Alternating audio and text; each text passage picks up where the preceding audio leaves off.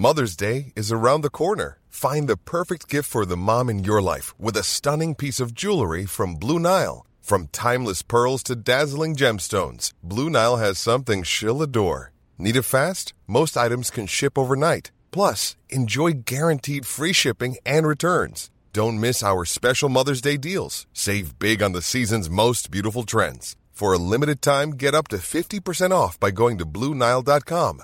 That's BlueNile.com. Burrow's furniture is built for the way you live. From ensuring easy assembly and disassembly to honoring highly requested new colors for their award-winning seating, they always have their customers in mind. Their modular seating is made out of durable materials to last and grow with you. And with Burrow, you always get fast, free shipping. Get up to 60% off during Burrow's Memorial Day sale at burrow.com slash ACAST. That's burrow.com slash ACAST. burrow.com slash ACAST. I'm Sandra, and I'm just the professional your small business was looking for. But you didn't hire me because you didn't use LinkedIn jobs. LinkedIn has professionals you can't find anywhere else, including those who aren't actively looking for a new job but might be open to the perfect role, like me. In a given month, over 70% of LinkedIn users don't visit other leading job sites. So if you're not looking on LinkedIn, you'll miss out on great candidates like Sandra. Start hiring professionals like a professional. Post your free job on linkedin.com/people today. A lot can happen in the next three years. Like a chatbot may be your new best friend. But what won't change? Needing health insurance. United Healthcare Tri Term Medical Plans are available for these changing times. Underwritten by Golden Rule Insurance Company, they offer budget friendly, flexible coverage for people who are in between jobs or missed open enrollment. The plans last nearly three years in some states, with access to a nationwide network of doctors and hospitals. So, for whatever tomorrow brings, United Healthcare Tri Term Medical Plans may be for you. Learn more at uh1.com. Detta avsnitt av Market Makers sponsras av ingen mindre än Valors, Bitcoin Zero och Ethereum Zero. Två stycken produkter som ger exponering mot Bitcoin och Ethereum på ditt ISK med noll i avgifter. I'm amazed how many people own stocks. They, they would not be able to tell you why they own it. They couldn't say in a minute or less why they own it. Actually, you really press them down, they'd say, the reason I own this is the sucker's going up. There's enough cash in the financial system, and there's an infinite amount of cash at the Federal Reserve, an infinite amount of cash. Put that check in a money market mutual fund. Then we'll reinvest the earnings into foreign currency accounts with compounding interest, and it's gone. So they had to do something. All they had left was just to print money and start buying things. And that's what they did. Quick buck artists come and go with every bull market, but the steady players make it through the bear market. They say money can't buy happiness. Look at the fucking smile on my face. Hej och välkommen till ett nytt avsnitt av Market Makers.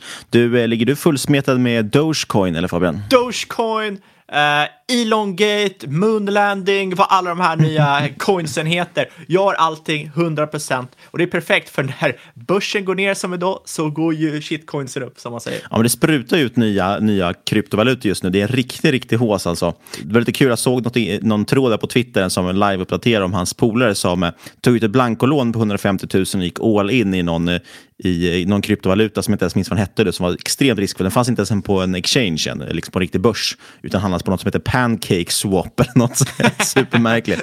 Eh, men han var uppe, han hade ett värde på en, drygt en miljon dollar nu. Eh, så det hade gått bra för honom. Men istället för att betala tillbaka lånet så hade han lånat 400 000 till, eh, till typ 15 procents ränta någonting. Så att, eh, ja, det var tydligen inte första gången han sprängde kontot och jag misstänker att det kommer ske en gång till den här gången. Äh. Vad kan gå fel när man har hävstång? Exakt. Det kan, det kan aldrig gå snett. Det är ju ändå visst imponerande. Man, får ju, man vill ju imponera av riskviljan när någon som tradar med typ 100 gånger hävstång och får upp eh, 150 000 kronor till en miljon dollar. Eh, det är imponerande, men som sagt, eh, det, det kan det ju kanske vara klokt att betala tillbaka de där lånen istället för att eh, ta ännu mer lån. Om, om vi har lärt oss någonting av att Archegos capital management smällde, då var det absolut inte att det kan gå fel när man har mycket leverage. Nej, märkligt det där. Eh, framförallt med tanke på att det är en miljon dollar. Det är ju ändå liksom life changing money, eller man ska säga. Eh, för de flesta hade det räckt gott och väl, sålt ut, cashat hem, eh, betalat tillbaka det där lånet och sen hade man faktiskt kunnat i princip sluta jobba nästan på Ja, de man vill pengarna. äta gröt varje morgon kanske. Jag vill äta baguette för helvete, då krävs det mer pengar. Men du, det är hås på kryptomarknaden, förutom i bitcoin. Bitcoin kraschade ju här 10-15 procent eller vad över helgen, eh, för att det såldes en hel del. Men, eh, och börsen också går ju lite svagt i någon dag här. Det är alltid så där när man ser att så fort börsen är ner 1-2 procent, speciellt de här favoritinnehavet bland många, Embrace, Revolution och så vidare. Eh, då ser man på Facebookgrupper och sånt, folk skriver folk och frågar vad är det som händer egentligen, vad är det för nyhet jag missat? Börsen är upp alltså 10-20 procent, ibland, tittar du på Evolution som exempel, den är upp 60-70 procent i år. Det är väl ganska hälsosamt kanske att den faller tillbaka eh, någon procent eller sådär ibland också. Samla styrka för vidare uppgång om man är riktigt eh, bullish. eh, men sen är det faktiskt också, vi har ju ett eh, klassiska säsongsmönster, vi kliver ju snart in här i maj, det är faktiskt snart redan slut på april, det går väldigt fort. Eh, vi spelar in det för 20 april, det är ju 420. eh, det här har varit, eh, Dogecoin skulle ju gå upp i 0,00420 dollar eller vad det var. Men eh, det finns ju den klassiska sägningen, sell in May and stay away. Det är ju generellt ett sånt säsongsmönster att börsen går lite svagare på sommaren. Det är väl så att många investerare och förvaltare går på semester och så. Eh, och det blir lite mer volatil börs och så vidare. Jag tycker det, man ser också många faktiskt duktiga, de som är lite duktigare på TA, alltså teknisk analys. Många som pekar nu på att det ser ut som att det har varit en, en rekyl på väg in, vilket vi kanske ser nu. Och sen eh, att vi ska ta då nya toppar i höst här. Men ja, vi får se. Vi är ju lite mer long only på det sättet. Vi, vi glider ju med lite grann. Ja, jag, har, jag har inte legat short på ett år ungefär nu, så att det har ju bara varit att glida med börsen. Ja, men det är lite så. Eh, jag tänkte på det, det är, lite, det är mycket saker som spökar på horisonten. Vi ska inte måla upp det som någon björnpodd. Vi får framförallt inte göra det. Bara, bara för att börsen går ner en dag så kan inte vi börja hålla på och prata om att bäsa allting. Men Ja, det, är så, det, det, det är så skönt att bli liksom kallad permabull när man förr i tiden blev kallad permabjörn Ja. hela tiden. det är viktigt att man ska kunna ändra sentiment efter hur börsen går också. Men några andra spöken, vi kan bara nämna det. Då. Några andra spöken har ju varit det här med inflation, det har vi pratat om. Och inflation förstås, det är läskigt för att det betyder ju höjda räntor för att stävja den inflationen. Och höjda räntor, det är ju inte kul för våra tillväxtbolag. Eh, sen har vi i och för sig pratat om det, jag kommer inte ihåg vilket avsnitt det var nu, men det var kanske mellan fem och tio avsnitt sen vi pratade om det här med att eh, kapitallätta bolag, eller asset light, har ju faktiskt historiskt gynnats i en inflationsmiljö också. Eh, Men, men kortsiktigt är det ändå, och framförallt, framförallt spökar ju höjda räntor är inte så kul, framförallt för de här tillväxtbolagen, de som har eh, vinsten längre fram, som inte gör någon, har någon Med lönsamhet höga av. värderingar, för då pressas ju Ja. värderingarna neråt. Exakt, tack. Det som man kan tänka på också, man ser nu lite faktiskt en tecken på inflation. Sen finns det många bra argument för att vi inte kommer ha inflation ändå. Eh, men vi ser till exempel, förutom att priset på trä är skyhögt just nu, eh, så såg jag också nyheter bara idag om att Coca-Cola, Kimberly Clark och Procter Gamble höjer priser nu på grund av ökade råvarukostnader. Jag såg något japanskt bolag som hade funnits i ja, 100 år eller något sånt. De har aldrig höjt priserna och nu ska de höja priserna med någon så här försumbar mängd. Så gick 9 alla- cent eller något sånt tror jag på en glass. Ja, så var det. Exakt så var det. Och då gick ju liksom eh, vdn och alla andra spelade in en video där de bad om ursäkt till alla sina kunder. Ja, det, det är lite skillnad. schysst. Lät jäkligt japanskt. Men det som jag tycker är intressant här med Coca-Cola och Procter Gamble, de här, det är ju klassiska exempel på det här med, jag tror att det är Buffett som pratar om det här med pricing power, det vill säga att man vill äga bolag som har pricing power. Folk kommer inte sluta köpa Coca-Cola trots att man höjer priset på det. Det ska ju till en ganska rejäl höjning till att folk slutar köpa Coca-Cola. Eh, och det är ju det som är klassisk pricing power, eller en moat då, om man ska prata Buffett-språk. Sen en annan orosmoln. Jag läste John Maldins eh, senaste nyhetsbrev här. Han, pratade om, eh, han liknade börsen vid en tsunami. Eh, och då pratade han om att en tsunami, innan den slår in så dras ju allt vattnet undan. Det är så man märker liksom också att den är på gång. Och han menar att vi är nu precis i det här läget när vattnet har dragits undan. Det är torr mark under oss. Eh, det kan fortsätta ett tag till, men någon gång kommer den här vågen komma och vi börjar liksom skymta den vid horisonten.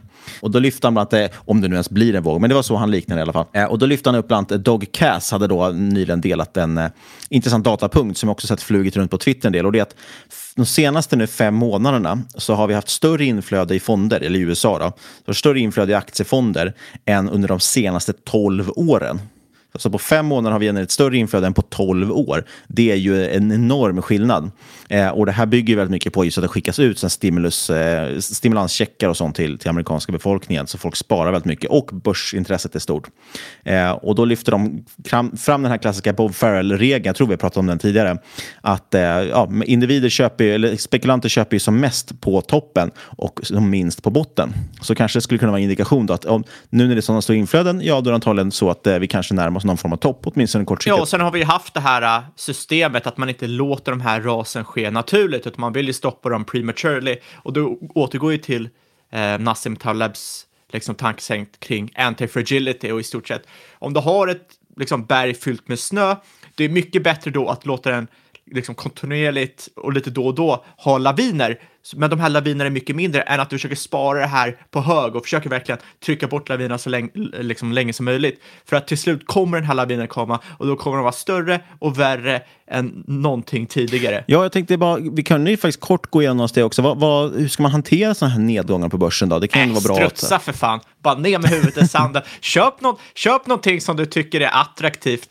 och så om du kan tänka dig köpa det här gamla klassiska. Desto längre jag är på börsen så inser jag att det här, liksom, den första boken man läste när man började investera, det gäller bara ännu mer. Ja, men precis. Och just strutsa, jag läste faktiskt en gammal intervju med Nemcap på Twitter, eh, där han pratade om det, att han tyckte att, att there's no shame in att strutsa, uttryckte han det.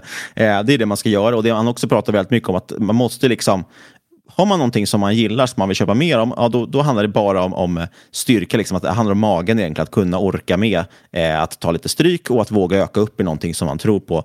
Där värderingen är attraktiv, det är ju det som är det stora viktiga. Jag ser folk som, som ökar upp i saker som är skit och som ska ner. Jag vill- Eh, det viktiga är att man måste räkna ut att det faktiskt verkar vara, det är ett rimligt pris idag. Om det sjunker, då vill man ju köpa mer. Jag, jag vill också poängtera att, att man tror på ett bolag betyder egentligen ingenting. Det du vill tro på är att du tror på att bolag ska överavkasta index. Eh, eller något annat jämförelseindex. För att jag Ja, kan till exempel tro menar. på... Exakt, jag vet att du det, men jag, inte alla liksom tänker de här sätten. För jag vet att många till exempel tror på Tesla och jag kan också på ett vis liksom tro på Tesla som bolag. Men kanske inte att de över tid kommer överavkasta index. För det är egentligen det du vill göra när du investerar din egna portfölj. Ja, men precis. Det handlar ju helt enkelt om att hela tiden räkna på saker och ting. Vet vad du äger och, och räkna på det. Och det är där, den sista biten där som jag tycker de flesta missar på. Och generellt gäller det, det var ju också en sak från den här Nemcap-intervjun som jag gillade, att han pratade om att många som håller på med börsen, inom citationstecken, de tittar egentligen bara på en aktiekurs 99 procent av tiden. Eh, man, man tittar på bolaget och tänker så här, ja det där gillar jag, och så tittar man på aktiekursen och går den ner, då tror man att det går dåligt och går den upp så tror man att det går bra. Eh, men det är inte det det handlar om, man kommer aldrig bli framgångsrik på det sättet, eh, utan man måste fundera på bolaget och räkna på bolaget framförallt. Exakt. Sen tycker jag det som är lite svårt också, som, som jobbar mot den, det är ju det här att det är mycket faktorer som bidrar till kortsiktighet. Dels är det mycket enklare att handla med aktier idag. Det är mycket enklare att gå in och sälja. Eh, det är en viss gamification som pågår. Den är ännu värre tror jag med amerikanska mäklare som Robin Hood till exempel. Men även Avanza och så vidare har ju lite grann av det här att man, när man loggar in på, sitt, sitt, eh, på Avanza-appen, vilket går jättefort, då ser man alltid sin dagsutveckling och när det är blåa siffror att det går bra, ja då är det jättekul och så ger det liksom en, en, en dopaminkick. Eh, men ibland loggar man in och då är det tiotusentals kronor back och det är inte lika roligt. Eh, och det är någonting jag upplever för att man lär sig mer med, med tiden. Det är den här magen, liksom, att man, man orkar stå emot det. Att man ser ibland att det, går dåligt och det får man bara liksom acceptera. Eh, någonstans är det bara pengar i Ja, slutändan. men det är som man säger, praktisk erfarenhet trumpar alltid teori. För att du kan läsa hur mycket du vill om börsen, du kommer aldrig liksom kunna hantera den för att du faktiskt har pengar på spel. Och eh, egentligen tar det ju bara tid. Vissa lär sig aldrig att kunna hantera de känslorna. Ehm, och för vissa andra går det i omgångar och för vissa andra så har de alltid kunnat göra det. Men det gäller i stort sett att bara kunna bete sig som vanligt när saker går ner liksom. Precis, inte låta det gå ut över känslor och humör. Både för din egen portföljs skull, men också för din omgivnings skull. Exakt, exakt. Eh, och jag tänkte då avsluta det här lilla segmentet här om börsnedgången med eh, två citat från Charlie Munger som jag gillar. Eh, det ena han säger är att eh, folk försöker alltid vara smarta. Eh, det enda Charlie Munger håller på med det är dock att han försöker att inte vara idiotisk. Eh, men det är väldigt mycket svårare än vad folk tror. Och det är ju sådär, just för att när det kommer saker som, som kortsiktiga saker som stressar upp den, då är det väldigt lätt att ta dumma beslut. Eh, vilket då och stör det som man pratar om, att den första regeln för att få eh, ränta på ränta-effekten, det är att inte störa den. Eh, det vill säga, du ska inte liksom då sälja av bara för att. Om det är någonting du har köpt som du tror på så måste du våga vara långsiktig i det också. Låta den här compoundingen eller ränta på ränta faktiskt spela ut. Så slutsatsen är att delvis låt inte kortsiktig stress påverka din långsiktiga vy. Eh, och för andra så kan det vara klokt att, även, man ska inte kanske hålla på och tajma så mycket, men däremot är det alltid klokt att ha lite kassa, kanske 10-20 procent någonting i kassa. För att när det kommer tillfällen när saker går ner, ja då finns det lite torrt krut att använda också. Nej, jag tycker tvärtom. Bara smälla in skiten. Rent matematiskt kommer du tjäna på det. Kanske inte om det smäller in på absoluta toppnivån, men över tid. Ja, så är det. Absolut. Just, just eftersom börsen har en positiv bias eh, och går upp över tid. Absolut, och jag jobbar ju mest, mestadels också så fullinvesterad och jag vet många som till och med jobbar med viss del belåning. Men jag bara nämner att har man svårt för det där med att, att eh, man får magont eh, för när det går ner, ja då kan det vara skönt att ha, ha torrt krut vid sidan av. Det är ett psykologiskt trick i alla fall. Det, det är en ganska liten försäkring att ha 10, 10 procent i kassan. Absolut. Det finns lika många investeringsstilar som det finns människor på planeten. Ingen är nödvändigtvis fel. Men du, det är inte det här vi ska prata om idag väl? Nej, vi ska ju hoppa in lite och prata lite om Coinbase, lite krypto och vi ska även prata en eh, het social medieplattform som kanske intresserar er, er som är intresserade av till exempel Pinterest. Precis. Men innan vi hoppar in på det så ska vi påminna om att vi inte håller på med någon rådgivning eller rekommendation. Vi berättar om vår process, hur vi tänker, gör alltid din egen analys och glöm aldrig att alla investeringar är förknippade med risk. Ja, mycket har ju hänt i kryptovärlden senaste veckan. Bitcoin var nästan uppe på 65 000 dollar och nu har du tappat typ 10-15 procent igen. Mm, då skrattar du åt mig va? Jajamensan. Men du, Smart Eye var ner också. Ja, typ no någon procent.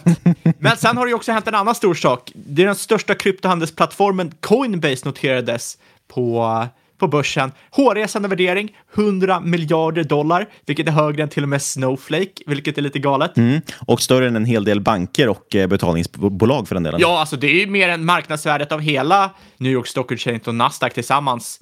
Och det, är viktigt att ta hänsyn till för att de två är börser och Coinbase är en börs också. Och det kanske är lite därefter man ska sätta värderingarna på vad för typ av pengar du får när du äger en börs. Men vi tänkte snabbt hoppa in lite på, för de släppte ju faktiskt Q, deras Q1 dagen innan de eh, skulle noteras. Och då listar de faktiskt 1,8 miljarder dollar i omsättning, upp cirka 200 procent eh, på kvartalet. Det är rätt imponerande. Eh, 750 miljoner av detta var i vinst. Det är upp 300 procent på kvartalet. Så de har ju ändå rätt bra marginaler just nu. De har en tradingvolym på 335 miljarder dollar och tillgångar på plattformen på 223 miljarder. Eh, det här är alltså, det är väldigt mycket. Det är 11 procent av den totala kryptomarknaden. Och dessutom har de 56 miljoner användare, varav cirka 6 stycken är monthly transacting users. Och det är exakt vad ni liksom kan tänka er. Det är de som faktiskt gör transaktioner per månad. 56 miljoner användare, det är extremt mycket. Det är mer än vad eh, Cash App har, det är mer än Venmo, det är mer än Robinhood, det är mer än eToro. Och alla de här eh, plattformarna har en snarlik publik de fokuserar sig inte liksom fullt ut på krypto, men det är ändå samma typ av retail-investerare de är ute efter. Men det är inte bara retail-investerare de har. De har ju deras klassiska Coinbase app, det är liksom för retail-kunder. Men sen finns det också en Coinbase Pro Exchange för institutioner. Och den här är faktiskt väldigt viktig för att förstå Coinbase och kryptomarknaden i stort. Eh, man har en take rate, alltså omsättning genom tradingvolym, det vill säga hur mycket tjänar man egentligen på den omsättningen som sker på plattformen, eh, på 0,5 procent om man slutar här över de två olika eh, plattformarna. Störst andel av dess intäkter kommer dock från retail och det är egentligen för att de har ganska höga avgifter. Cirka 1,5 till 10 procent kan det vara i spread på köp och sälj. Och med spread som ni vet, och det vill säga det är skillnaden mellan köp och säljpris, det är där de skär emellan. Det är samma sak med CFD-aktörer och liknande. De skär emellan på att de sätter ett felaktigt inom situationen citationstecken pris. Då.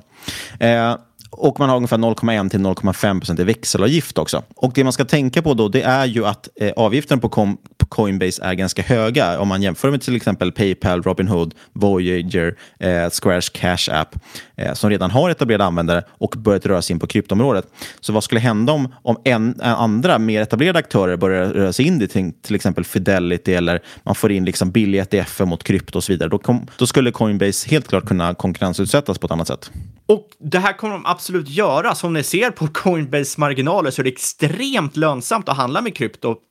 Så att de här aktörerna kommer i allt större grad börja röra sig in på kryptomarknaden, sätta press på Coinbase take rate. Och det här är det man har sett på hos aktiemäklarna också, som alltså, handlar med vanliga aktier. Vi bara tänker tillbaka på Sverige för tio år sedan, ja, det kostade väl 99 spänn i courtage att handla. Nu kostar det typ en, ett öre. Ja, och de uh, jagar varandra ner mot botten. För först var ju Avanza de här absolut billigaste när det kom. Uh, men nu är ju de omsprungna av flera av de klassiska storbankerna. För att det, det blir liksom ett priskrig helt enkelt. Och det kommer vi säkert se genom krypto också. Exakt, och en annan nackdel är också att Coinbase de sätter ju avgifter i krypto. Och när du har en bullmarknad i krypto, ja då är det jättebra för dem. Liksom när det är bear market för krypto, då är det inte lika bra för dem. Och där säger även Coinbase själva att de kan inte extrapolera ut senaste kvartalet i sin liksom, Q1 för att bitcoin har gått typ 100 procent, eh, ethereum har gått typ 160 procent och det skulle bli helt missvisande om man liksom extrapolerar de här resultaten på helåret. Ja, det är inte så konstigt heller att eh, folk tänker inte så mycket på avgifterna just nu för att det går upp så pass mycket. Då tycker man att eh, några procent hit eller dit spelar ingen roll. Man kommer ändå känna igen det.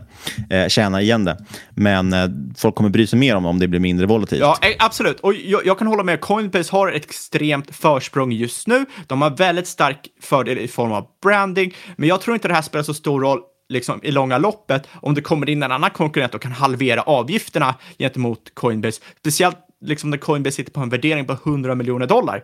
Eh, och då, på grund av det här så tror jag inte att liksom, eh, marginalerna håller långsiktigt. Liksom, det du skulle köpa Coinbase för då, det är att de skulle sitta och trycka ut an, liksom, produkter som inte andra mäklare liksom, kan, kan ge ut. Men jag tror liksom inte heller det, det håller långsiktigt på den här nivån. Eh, men som sagt, jag, jag gillar Coinbase, jag gillar deras produkt, det är riktigt lätt att använda. Men om jag ska vara ärlig nu för tiden så, jag pallar inte riktigt hoppa in där. Jag tycker det är rätt jobbigt att sitta och skatta på vinsten och deklarera varje, varje köp och sälj man gör. Och även fast jag tror på blockkedjan så föredrar jag nästan att handla det till ISK. Det är smidigare och man kan följa price action utan man behöver tänka på ja, skatt och deklaration och så vidare. Men precis, och det får ju oss in på veckans sponsor, nämligen Valors Bitcoin Zero och Ethereum Serio-certifikat. Det är ju två certifikat som du kan handla på din ISK, vilket betyder att du får en mycket mer förmånlig skatt. Ja, det blir helt enkelt mycket smidigare och du handlar det på ditt vanliga konto så att det ligger där bland alla in andra innehav. Och framförallt så är de intressanta. De heter Zero av en anledning, för att de inte har några avgifter till skillnad från många andra bitcoin och ethereum-papper som finns tillgängliga. Så det tycker jag definitivt är värt att kika in in. Och vi vill säga ett stort tack till just Valor, Bitcoin Serie och Ethereum Serie. Förutom Coinbase så hade vi med oss ett litet case idag också kring ett eh, social mediebolag som var superhypat här för några år sedan och som jag vet att du aldrig riktigt kan släppa. Du tycker alltid att de gör någonting intressant. Vad är det för bolag jag ska prata om? Det är Snap AK Snapchat och den här är för alla. Jag vet att vi har många lyssnare som är väldigt intresserade av Pinterest. Jag är själv väldigt intresserad av Pinterest, men jag tycker att man hör alldeles för lite om eh, Snapchat och Snap. Och jag tycker ändå att de här två spelar i samma liga. Och det här är ju då alltså, det är plattformen som är känd för att du eh, skickar bilder som försvinner. Men det som är intressant med det här bolaget, det har haft en ordentlig turnaround senaste året. Det har gått från att vara en riktig loser, en riktig dog, till enligt mig vara en av de mest innoverande plattformarna på internet och inom eh, social media. Och det finns faktiskt en anledning till varför eh, Even Spiegel, vd och grundare för Snap, kallas lite på eh, skämt Facebooks bästa product manager. Och det är för att många av Facebooks stora funktioner de senaste åren har ju kommit direkt från Snapchat. Ni kanske kommer ihåg stories till exempel. Det kommer ju ursprungligen från eh, Snapchat och nu finns det ju på i stort sett alla plattformar. Instagram, Facebook, Twitter, you name it. Och det som är intressant och som vi ska gå in på lite idag, det är att jag tycker att Eh, Snapchat har extremt stor potential att bli västs första riktiga superapp. Och ah, en stor anledning varför det här, det är för att man plockar in flera olika områden och för att de liksom är väldigt exponerade mot en yngre publik där det är mer naturligt att man konsoliderar det man gör i en app till skillnad med många äldre i väst. Jo, det här har vi återkommit till många gånger, att i Kina så har man ju sådana så kallade superappar som pratar om. Till exempel i WeChat, ett klassiskt exempel, där man kan chatta, man kan spela, man kan skicka pengar, man kan handla och så vidare. Man gör allting i en och samma app, eh, vilket vi inte riktigt haft i eh, västvärlden på samma sätt. Vi delar ju upp allt. Ja, men Facebook är liksom bara sociala medier-flödet, eh, men sen har man en separat app för Facebook Messenger, man har en separat app för Facebook Instagram, en separat för WhatsApp. Så allting bara splittras upp i separata appar. Eh, men man försöker mer och mer samla allt i en app, eller det är i alla fall den kinesiska vägen och den kommer säkert spridas till, till eh, väst också. Exakt, och Snapchat, eller Snap hade väldigt intressant Investor Day den 23 februari. Och de sa en sak där och då såg man liksom, man kunde följa aktiekursen och den var liksom på väg ner. Och sen sa de någonting och så bara boop, stack den iväg några procent. Och det är att bolaget är on track att växa omsättningen 50 procent per år de kommande tre åren utan att nödvändigtvis behöva växa användare och eh, engagement, utan helt för att de kommer förbättra sin monetarisering på plattformen. Eh, och liksom det här baseras helt på ökat CPM över tid. Och jag tycker det här låter extremt bullish, så vi ska liksom hoppa in och kolla på kan de verkligen göra det här? Vad är det som driver det här? Och vad har de faktiskt ändrat i sin plattform de senaste åren som gör att de är liksom, ett, ett intressant bolag att kika på? Och då tycker jag man ska börja med eh, vad de gör Eh, till skillnad mot vad många tror så är de mer än bara meddelande-app. Eh, de har kanske fem, sex olika avdelningar, men jag tycker vi kan ta en sak i taget. Deras bread and butter, det är deras stories och discovery-sida. Det här är alltså där users kan lägga upp så kallade stories som vi precis pratade om. Det vill säga man landa, liksom, laddar upp videos under sin dag, eh, försvinner efter 24 timmar och på så sätt kan man följa sina vänner kontinuerligt. Eh, Discover-plattformen, det är liksom en destination för liksom all möjlig typ av content, inte bara dina egna snaps. Uh, här kan du tänka en blandning av TikTok uh, och Netflix in-app. Det som är intressant det är att över 90 procent av Gen Z eh, kikade på en så kallad Original Snap Show under Q4 2020. Det är alltså en serie producerad av Snapchat som de har lagt upp in-app. Daily Watch Time eh, användare över 35. Det växte 30 procent year on year. Det visar sig att man börjat vända sig allt mer mot en äldre publik, så man har en yngre publiken redan, men man vänder sig mot äldre publik samtidigt. Den här Discovery-funktionen har 25 kanaler, 20 miljoner unika tittare per månad eh, och som sagt mäng mängder med eget content. Du har till exempel serien Will from Home med Will Smith som eh, de har precis förnyat för en säsong 2. Och stories, där är idag den största drivaren av intäkter. Eh, där drar man ju in pengar på ads eh, som man liksom stoppar in mellan de här olika snapsen som är i storiesen. Men enligt bolaget själva så är man inte i närheten av maximerad monetarisering här och man ser en stor uppsida i att monetarisera det här framöver. Och det som jag tycker är intressant, det är inte bara Snapchat själva som tycker det här, utan det är även eh, en liten kille som heter Mark Zuckerberg som håller med dem också. Han tycker också att stories, men såklart med hänsyn till Facebook, är väldigt, väldigt attraktivt prissatt för så kallade early adopters.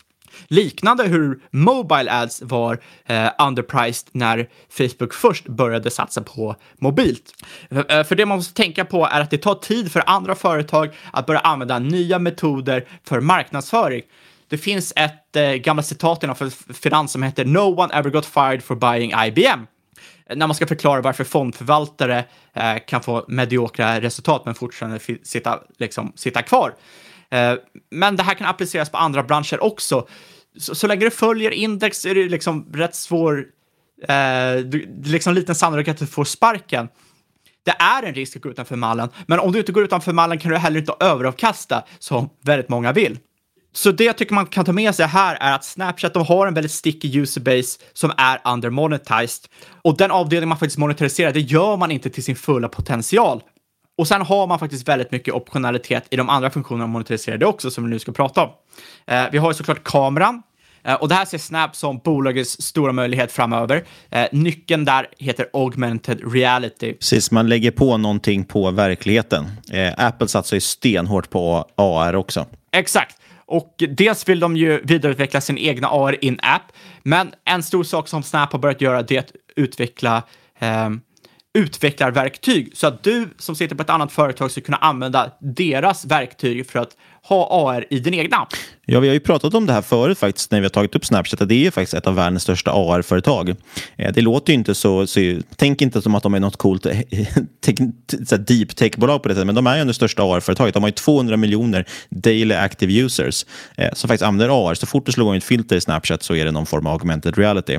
Eh, och det här med att de bygger ett eget liksom, AR-kit är inte så konstigt. Även som sagt Apple satsar ju stenhårt på augmented reality och har också byggt just ett AR-kit som jag tror att de kallar den för, eh, som är för utvecklare.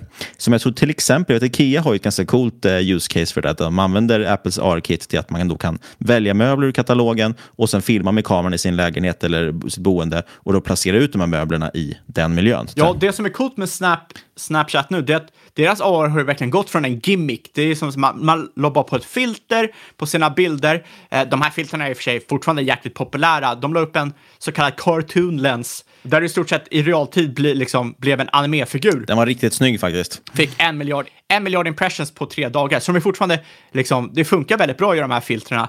Men över tid har det faktiskt den här ARn blivit till ett riktigt verktyg. Du kan till exempel lösa matematiska ekvationer, du kan scanna vinetiketter för att hitta betyg, omdömen och priser. Och allt det här samlas alltså i en i en algo och det gör ju att den här algoritmen blir allt starkare över tid. Ja, precis. Det som jag tycker är lite svårt dock att eh, liksom väga in där, det är hur pass eh, konkurrenskraftig, ska säga, alltså hur mycket bättre är den än till exempel Google. Tittar man på Google Lens, den appen, så är den otrolig också. Eh, och jag gissar på att det är något egenutvecklat bakom huv eller under huven där så att säga. Eh, den har ju också den möjligheten att man kan rikta kameran mot vad som helst och då dyker det upp ett gäng punkter. Så kan du klicka typ på en fågel i bilden, då står det latinska namnet på den fågeln och all info. Eh, du klickar på en produkt och då kommer det upp exempel på var du kan köpa den produkten. Du klickar på en text som är på japanska och då översätts den i realtid till svenska till det, exempel. Det jag tror Snapchat har fördel med Google, det är att de har eh, sitt egna lilla stängda nätverk med 265 miljoner eh, användare. För det Snapchat ser nu, deras ledning ser nu, är att ad inventory, alltså viljan att göra reklam i AR, det håller på att explodera. Och det här tycker jag är ett extremt intressant område för att hur du gör reklam i AR är väldigt annorlunda från hur du gör reklam i världen. Man skulle inte, till exempel inte använda AR för att visa upp logotyper eller så, utan man in, erbjuder verktyg för att bygga en digital eh, upplevelse. Och det här är liksom nästa, the next, next phase, nästa nivån i marknadsföring. Ett exempel är när man eh, partnerade med Perfect Corp. Då tillät man 200 brands att ladda upp sina kataloger i Snapchat så att man kunde testa kläder, skor, smink direkt genom AR i appen och liksom så anpassades till hur det såg ut. Och eh, enligt mig är det här next, nästa generation av både ads och shopping. Och man ser nu att man har partnerskap med allt från Levi's, Jordan Brand, Ralph Lauren, Gucci och till och med New York Times. Och det är helt enkelt för att kunna dra, liksom, eh, dra igång en AR advertising experience. Och eh, jag, jag, tror, fram, liksom, det här med digital omklädningsrum, det har ju utan tvekan fått en skjuts av just corona. Och här vill liksom många företag in just nu. Och framför allt är det ett verktyg som driver in-app engagement på ett sätt som vanlig browsingbaserad e-handel inte gör. Och något annat som jag tycker har gått under radarn lite med, med Snapchat, det är deras partnerskap med Shopify. Först ingick de ett partnerskap för att företag skulle lättare kunna integrera sina eh, butiker på Shopify så att de skulle kunna ja, göra reklam helt enkelt i de här storiesen. Men över tid har det här vidareutvecklats till mer av ett provkoncept som heter Snap Stores, det vill säga att man faktiskt integrerar sin butik in-app. Och det här innebär ju att liksom allt från att du hittar produkt till betala produkten sker i appen. Du förs inte utanför appen för betalning som du gör på många butiker, i till exempel Pinterest.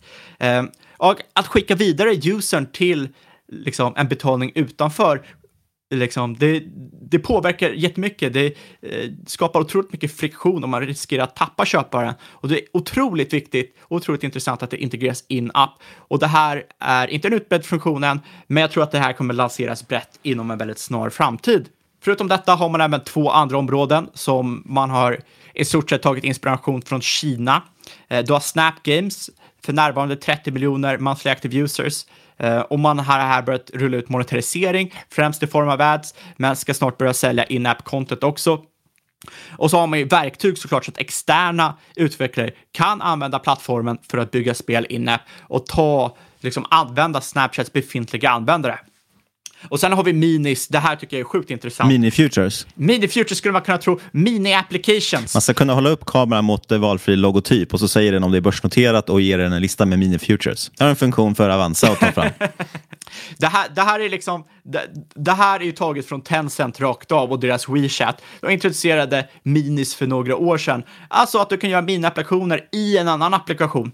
Um, Pinduoduo red väldigt hårt på det här och sen dess har de blivit ett av Kinas största e-handelsbolag. Så att jag tycker att det här är en otrolig... Eh, och jag, jag har inte sett några andra plattformar som seriöst har börjat fundera på att ha mini-applikationer i väst, förutom Snap. Och det här gör ju liksom att Snapchat de har ju möjlighet att skifta över från att bara vara en applikation till att bli en mer av en plattform, en institution. Och andra områden som kan användas är till exempel biobiljetter, restaurangreservationer, matleveranser. Eh, som sagt, allting som man kan utnyttja deras användare till. Otroligt stor potential enligt mig.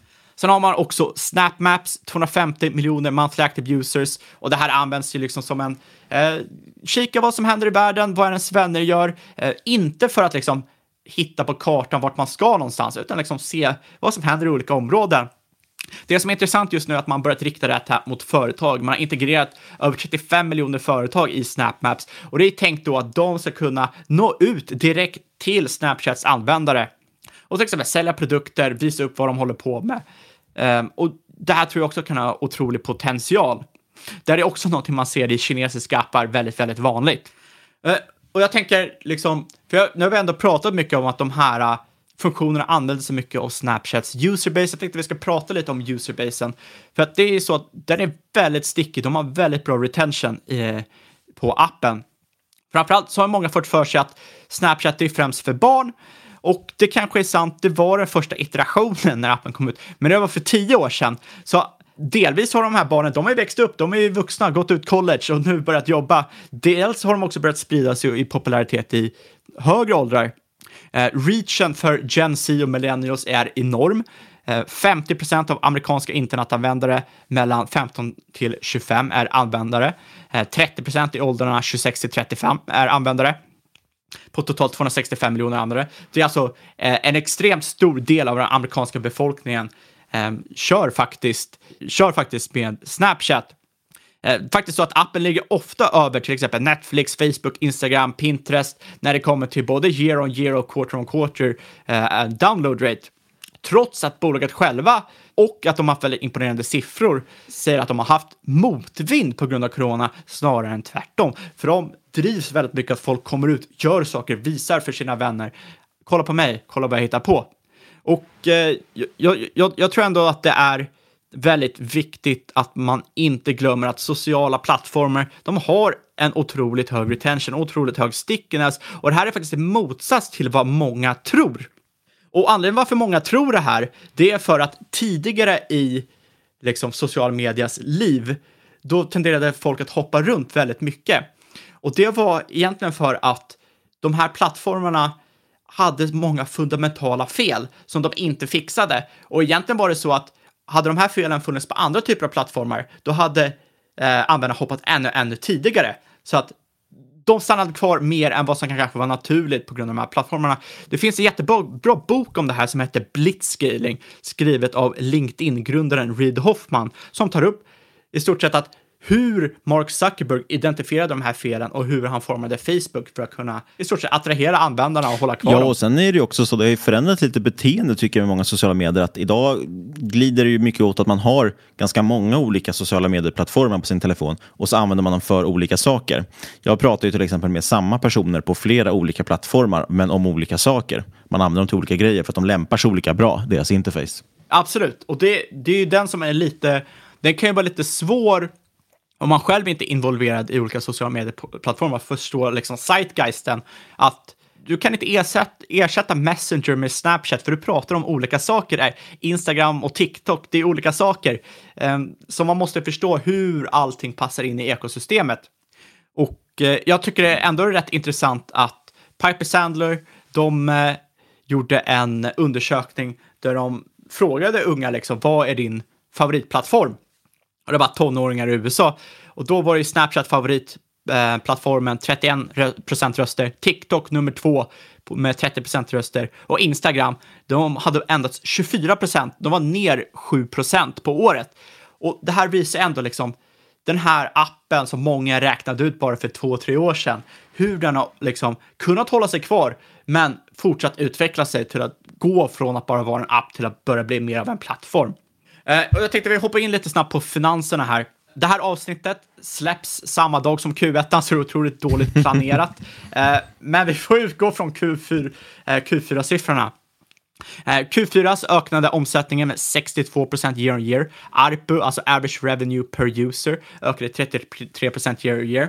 Och man såg marginalförbättringar. Det skulle man inte tro, men det var, Snapchat var ju uträknat för några år sedan. Exakt, exakt. Det var ju nere på, kursen var nere på 5 dollar. IPO på 17 dollar, eh, nere på 5 dollar och nu är vi uppe på runt 60 igen.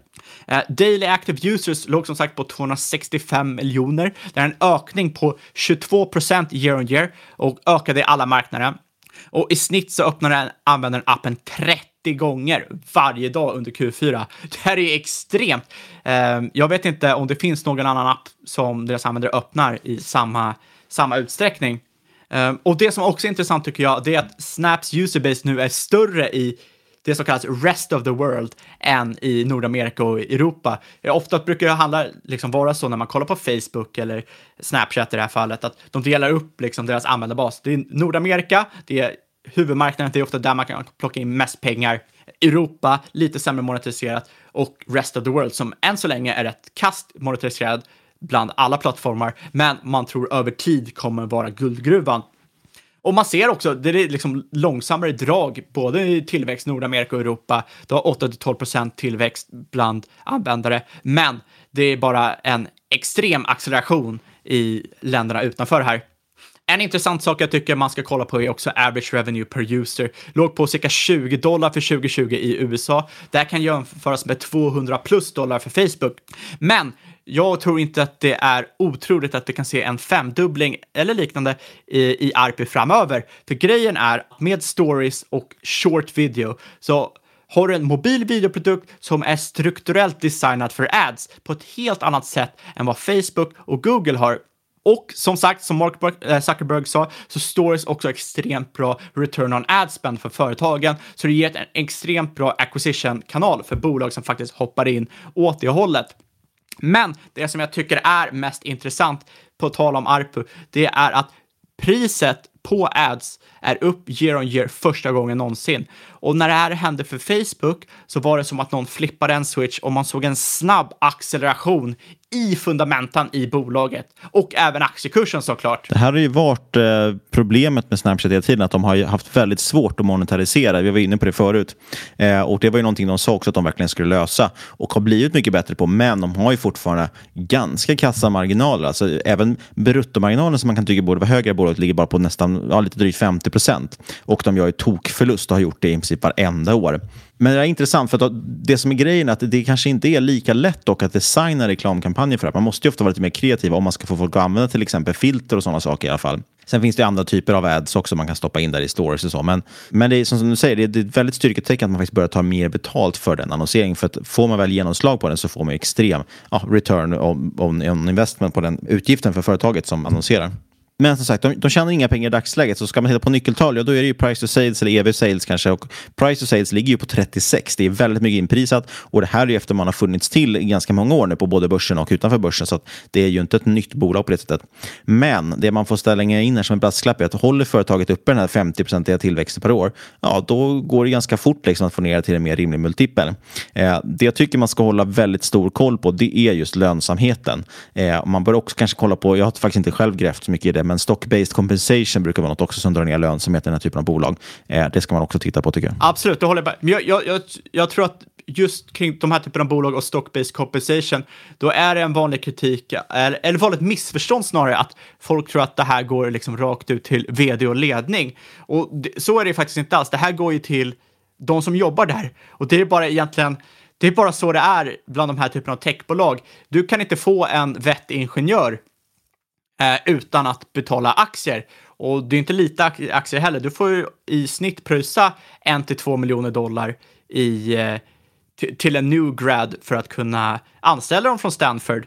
Um, och, och, Det är ju helt sjukt. Och det, det, finns ju bolag som inte dras med de där problemen, för det drar ju jättemycket på lönsamheten. Det är inte så kul som aktieägare att det bara flyger ut nya aktier i bolaget. Eh, och framförallt ger det ibland också ett visst om... säljtryck eftersom de där aktierna kanske ska flippas ut sen. Så det är absolut en realitet bland den typen av bolag i Silicon Valley, men, men jag är inte så förtjust i det för det. Men om de inte gör det så kan de lika gärna klappa ihop, för då kommer ju alla gå över och jobba på Facebook eller Google där de ger eh, stock-based compensation. Så att det är egentligen, äh, jobbar man liksom i den branschen så är det bara liksom, det en name of mm. the game. Men då finns det ju andra bolag som har bättre lönsamhet. Det är det jag menar. Om man måste betala så pass mycket för att ta fram sin produkt, ja då kanske man, man vill ju hellre ha ett bolag som inte betalar så mycket för att ta fram sin produkt. Ja, fast då är ju frågan vad typ av kaliber. Det är liksom det som Reed Hastings säger. Det är liksom att eh, skillnaden mellan Rockstar och en vanlig dude när det kommer till Eh, computer scientist, det är att liksom, de kan vara 10 000 gånger bättre. Så då är det liksom frågan hur mycket kan man betala för det? Eh, det, det, är liksom inte som kanske en taxichaufför som kan vara dubbelt så snabb när han kör.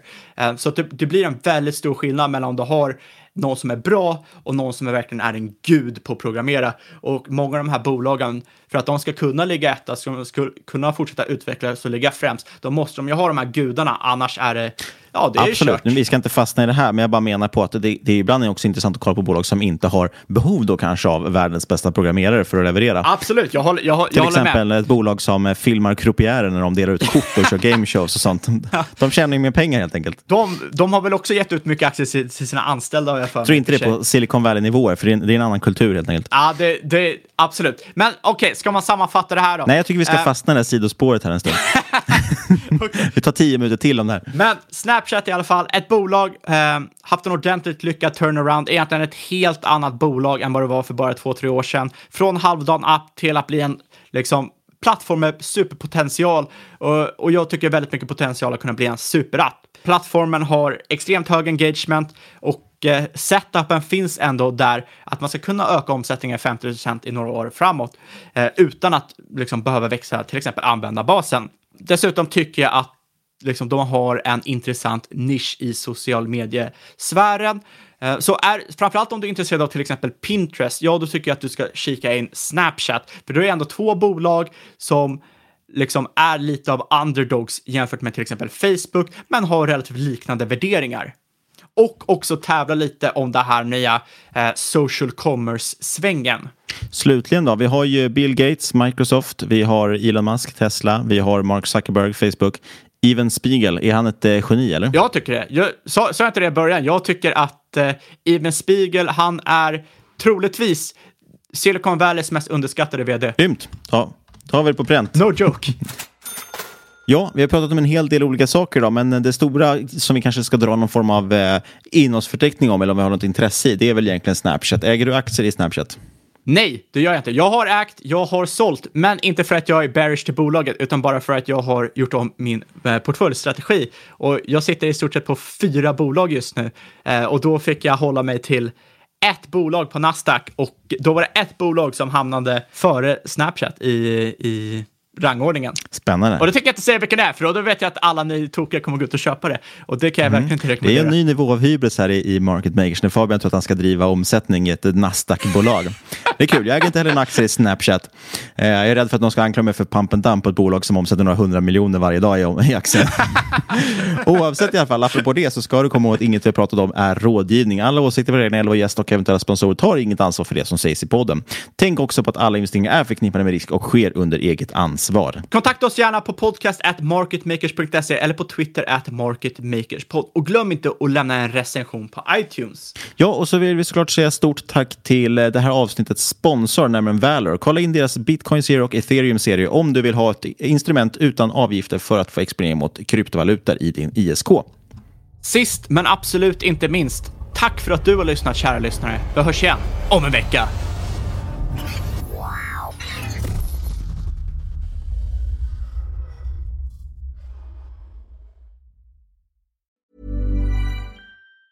There's never been a faster or easier way to start your weight loss journey than with PlushCare. PlushCare accepts most insurance plans and gives you online access to board-certified physicians who can prescribe FDA-approved weight loss medications like Wigovi and Zepbound for those who qualify. Take charge of your health and speak with a board-certified physician about a weight loss plan that's right for you. Get started today at plushcare.com slash weight loss. That's plushcare.com slash weight loss. plushcare.com slash weight loss. Hey, it's Ryan Reynolds, and I'm here with Keith, co star of my upcoming film, If, only in theaters, May 17th. Do you want to tell people the big news? All right, I'll do it. Sign up now and you'll get unlimited for $15 a month in six months of Paramount Plus Essential Plan on us. Mintmobile.com slash switch. Upfront payment of $45 equivalent to $15 per month. Unlimited over 40 gigabytes per month. Face lower speeds. Videos at 480p. Active Mint customers by 531.24 get six months of Paramount Plus Essential Plan. Auto renews after six months. Offer ends May 31st, 2024. Separate Paramount Plus registration required. Terms and conditions apply if rated PG. Here's a cool fact a crocodile can't stick out its tongue. Another cool fact you can get short term health insurance for a month or just under a year in some states. United Healthcare short term insurance plans are designed for people who are between jobs, coming off their parents' plan, or turning a side hustle into a full time gig. Underwritten by Golden Rule Insurance Company, they offer flexible, budget friendly coverage with access to a nationwide network of doctors and hospitals. Get more cool facts about United Healthcare short term plans at uh1.com. Millions of people have lost weight with personalized plans from Noom, like Evan, who can't stand salads and still lost 50 pounds. Salads, generally, for most people, are the easy button, right? For me, that wasn't an option. I never really was a salad guy. That's just not who I am. But Noom worked for me. Get your personalized plan today at Noom.com. Real Noom user compensated to provide their story. In four weeks, the typical Noom user can expect to lose one to two pounds per week. Individual results may vary. I'm Sandra, and I'm just the professional your small business was looking for. But you didn't hire me because you didn't use LinkedIn jobs. LinkedIn has professionals you can't find anywhere else, including those who aren't actively looking for a new job but might be open to the perfect role, like me. In a given month, over 70% of LinkedIn users don't visit other leading job sites. So if you're not looking on LinkedIn, you'll miss out on great candidates like Sandra. Start hiring professionals like a professional. Post your free job on linkedin.com/people today.